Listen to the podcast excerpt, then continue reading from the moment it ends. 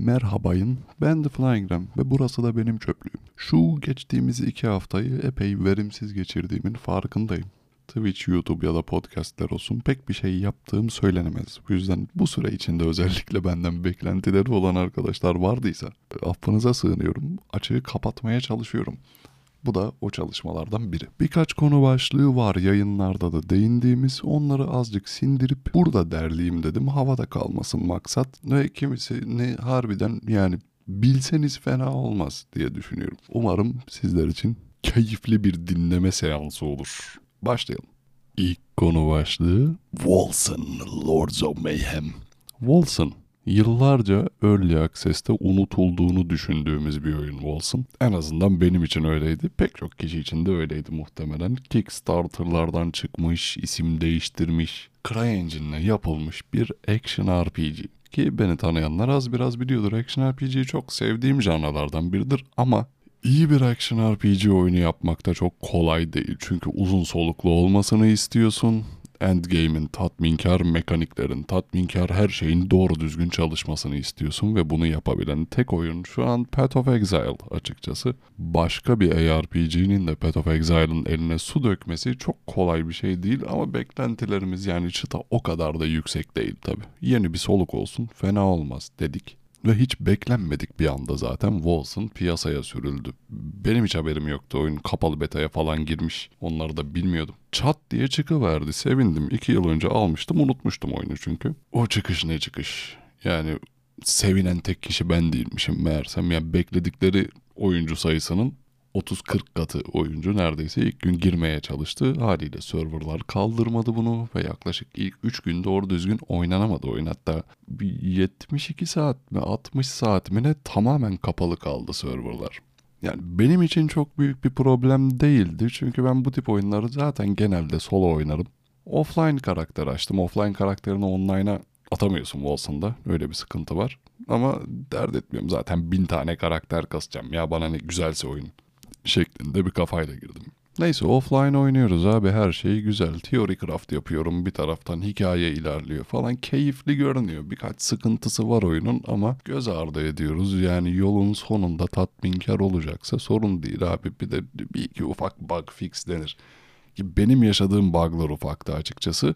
Çok ciddi oyunu kıran ilerlemeni engelleyen, progresini bilmem kaç saat geri alan, stajını silen vesaire vesaire. Bug kaynıyordu oyunun release'i. Offline'da da online'da da online'a zaten giremiyorsun da girdiğin zaman da progresin geri gidiyor falan gibi saçma sapan şeyler vardı.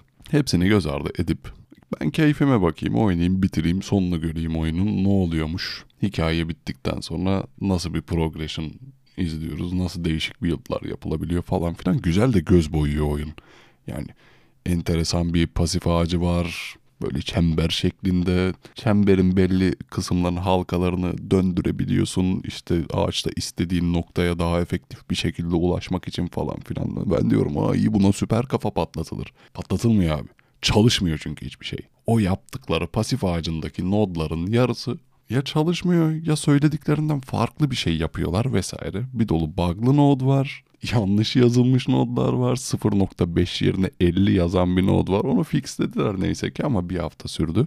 Bir hafta sürdü demişken şunu da söyleyeyim. Oyuna sadece haftada bir hotfix getirebiliyorlar. Sebebi de enteresan yani. Discord'unda da takılıyorum Wolson'un açıklamaları şu yani bizim partnerimiz e, sadece haftada bir hotfix yayınlamamıza izin veriyor diye artık nasıl bir kontrat bağlılığıysa ve bunu değiştiremiyorlar. O da ilginç ya da upgrade edemiyorlar. Oyun 300 bin sattı. Yani gerçekten enteresan. Çünkü acilen çözülmesi gereken bir dolu problem var ama bu bir haftada gelen hotfix onu çözmediyse o sorunun çözülmesi için bir hafta beklemen gerekiyor. Neyse hadi bunların hepsini saldım. Endgame'i unutmuşlar abi. Oyunda Endgame'i net unutmuşlar. Yine orası da ilk adım attığın zaman birazcık göz boyuyor. Biraz Diablo'dan almışlar Rift Greater Rift sistemini. Biraz da Path of Exile'dan almışlar map sistemini. Diyorsun ha tamam iyi. Maplerin hiçbiri prosedürel değil. Yani random değil. Hepsinin sabit bir layout'u var. Düşmanlar sabit. Bir süre sonra fark ediyorsunuz bunu. Bunu tek fark eden ben değilim. Zaten araştırmasını da yaptım. 100 saat oynadıysam 50'si Reddit'te geçti. Başka yayıncılara baktım. Onların tartışmalarına, teori craftlarına, kimisi işte e, oyunun kodlarını açıp hatalı olan her şeyi gösteriyorlar vesaire vesaire onları gördük. Ve yani senelerce Early Access'te kalıyor. Öncesinde beta geçiren bir oyun bu. Söylenen hiçbir şeyi düzeltmemişler ve hızlı bir şekilde düzeltecekler gibi görünmüyor açıkçası. Ayrıca ya bu kişisel bir tercih değil bence. Pek çok kişi bu sıkıntıyı çekiyordur. Oyunda mouse biri farklı bir tuşa atayamıyorsun. Yani mouse biriyle atak yapmak zorundasın. Move on niye atayamıyorsun? Saçma sapan packlerin arasına dalıyorsun. Range bir karakter oynuyorsun. 10 tane düşmanın içine giriyorsun falan saçma sapan. Ayrı bir tuşla move on'u yapabiliyorsun. İşte force move tuşu var. Onunla da oynamak açıkçası yani mouse'un sol klikiyle, sol tıkıyla oynamak kadar rahat değil. Çok değiştiriyor oynanışı. Yani izlerken aa ne güzel ya görselleri oyunun, animasyonlar güzel, aksiyon çok akıcı duruyor falan diyebilirsiniz değil alakası yok. Zerre alakası yok. Göze hitap eden bir oyun ama parmaklara kesinlikle hitap etmiyor şu anki haliyle kimseye tavsiye etmiyorum. Birazcık da pişmanım açıkçası geçen zamandan. Yani çünkü action RPG'lere ben biraz böyle one night stand gözüyle bakmıyorum. Action RPG ile evlenmek istiyorum abi ben. Uzun soluklu bir oyun olsun yani. PoE mesela o kıvamda benim için. Yıl içinde dönerim oynarım bir ay. Pek de evlenme gibi olmadı bu ama neyse.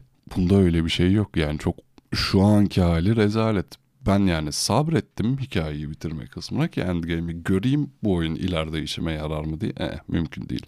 Şu anki haliyle kesinlikle almayın. Ya kolay kolay demem bunu. İlk oynadığım zamanlarda oyunu mesela yayınlara gelenler abi türü seviyorsan alınır oyun falan diyordum da. Umarım benim lafıma güvenip alan olmamıştır. Ya bu tip oyunları açıkçası ilk bakışla değerlendirmek çok zor. Yani şu an kesinlikle diyebilirim bu haliyle satın alınacak bir oyun değil ciddi bir indirime girerse belki alırsın kütüphanende durur update'leri takip edersin. No Man's Sky gibi bir geri dönüş yaparsa Wolson her şeyi düzeltir ve üstüne bir şeyler eklerlerse belki. Onun dışında mümkün değil. Yani bütün bug'lar düzeltildiği zaman bile oyun inanılmaz sığ bir endgame'e sahip. Çok kötü eşya tasarımına sahip. Unique'ler unique değil vesaire vesaire anladınız. Pek çok şeyi eklemeleri gerekiyor. Güzel yaptığı birkaç şey var. Onlar dursun ama üstüne eklenecek çok şey var. Çok eksik bir oyun. Tavsiye etmem. İlle de ARPG oynayasınız varsa böyle kaşıntınız gelmişse ben Grim Dawn'u tekrar indirdim. Güzel bir örnektir o. Yani PoE ya da Diablo oynamak istemiyorum diyorsanız ki Diablo 3 de epey sığ bir oyun aslında da. Grim Dawn'a bakabilirsiniz henüz bakmadıysanız. Yoksa boş verin abi ARPG oynamayın ya. Harbiden. Ömrünüzden ömür yer yani. Sıradaki konu Borderlands filmi. Hı hı.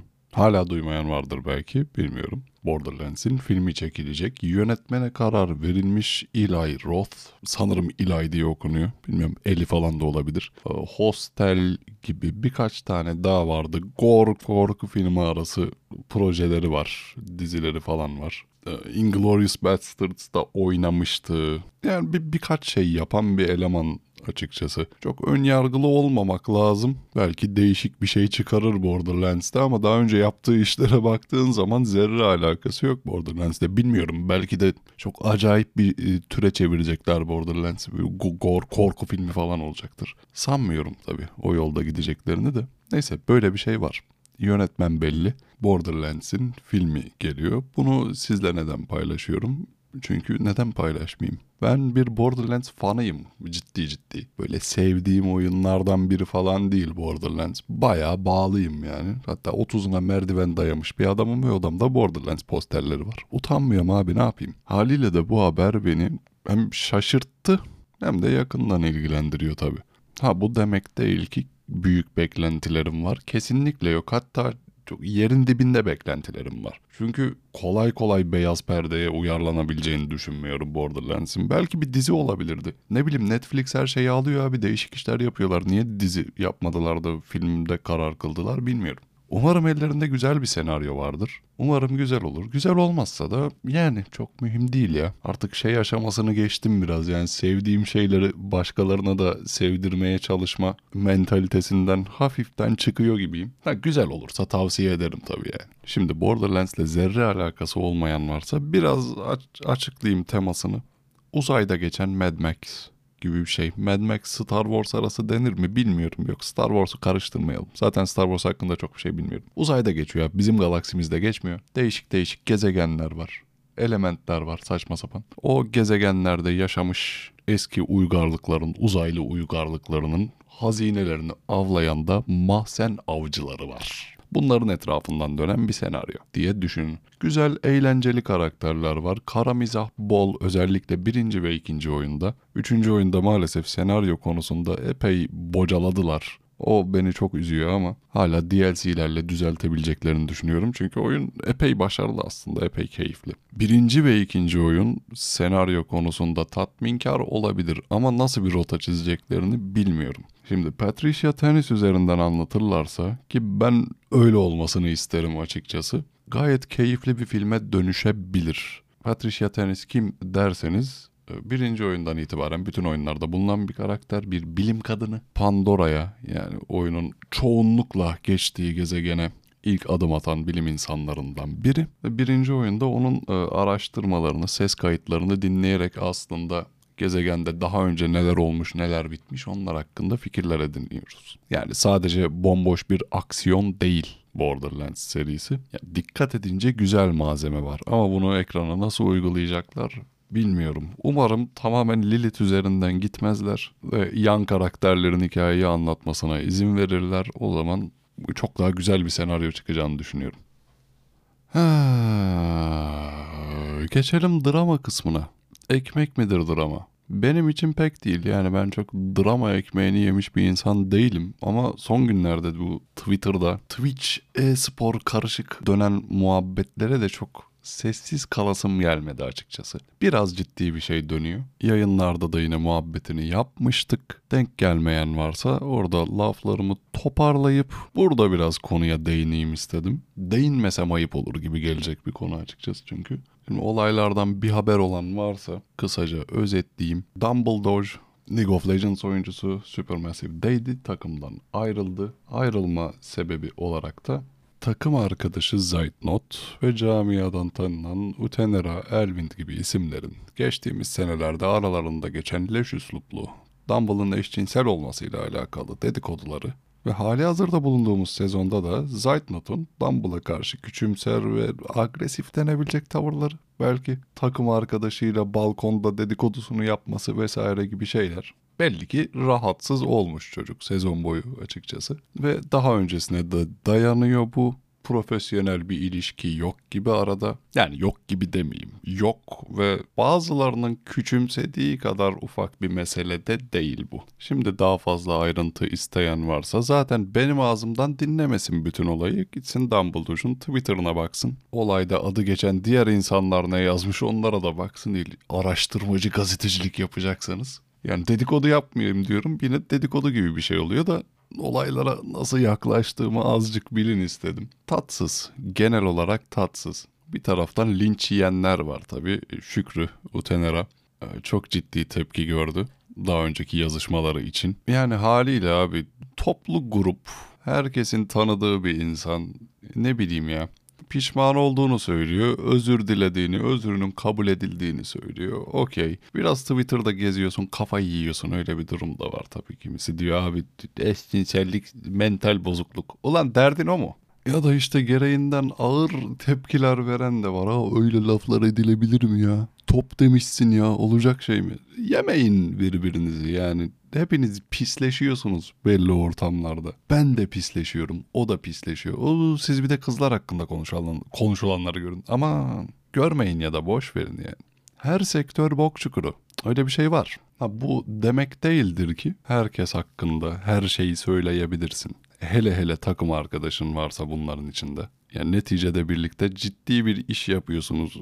Kiminize ciddi gelmeyebilir ama dünyanın da maaşını alıyorlar yani. Ve sen bir kişinin harbiden kariyerini etkileyebilecek laflar sarf ediyorsun ve bu tavırlarına da devam ediyorsun. Bir yerde dur demek lazım. Umarım Dumble bundan sonra artık ne yapmaya karar verirse başarılı olur. Oyuna geri döneceğim derse de kimsenin bir itirazı olacağını sanmıyorum. Riot henüz bir şey yaptı mı onu da bilmiyorum. Konuyu yakından takip ediyoruz yazmışlardı en son. Ben bu kaydı alırken Belki yeni bir şeyler olur. Umarım adil bir şekilde sonuçlanır diyeyim durum. Bir daha olmasın. Hadi görüşmek üzere. Kendinize iyi bakın. Bye bye.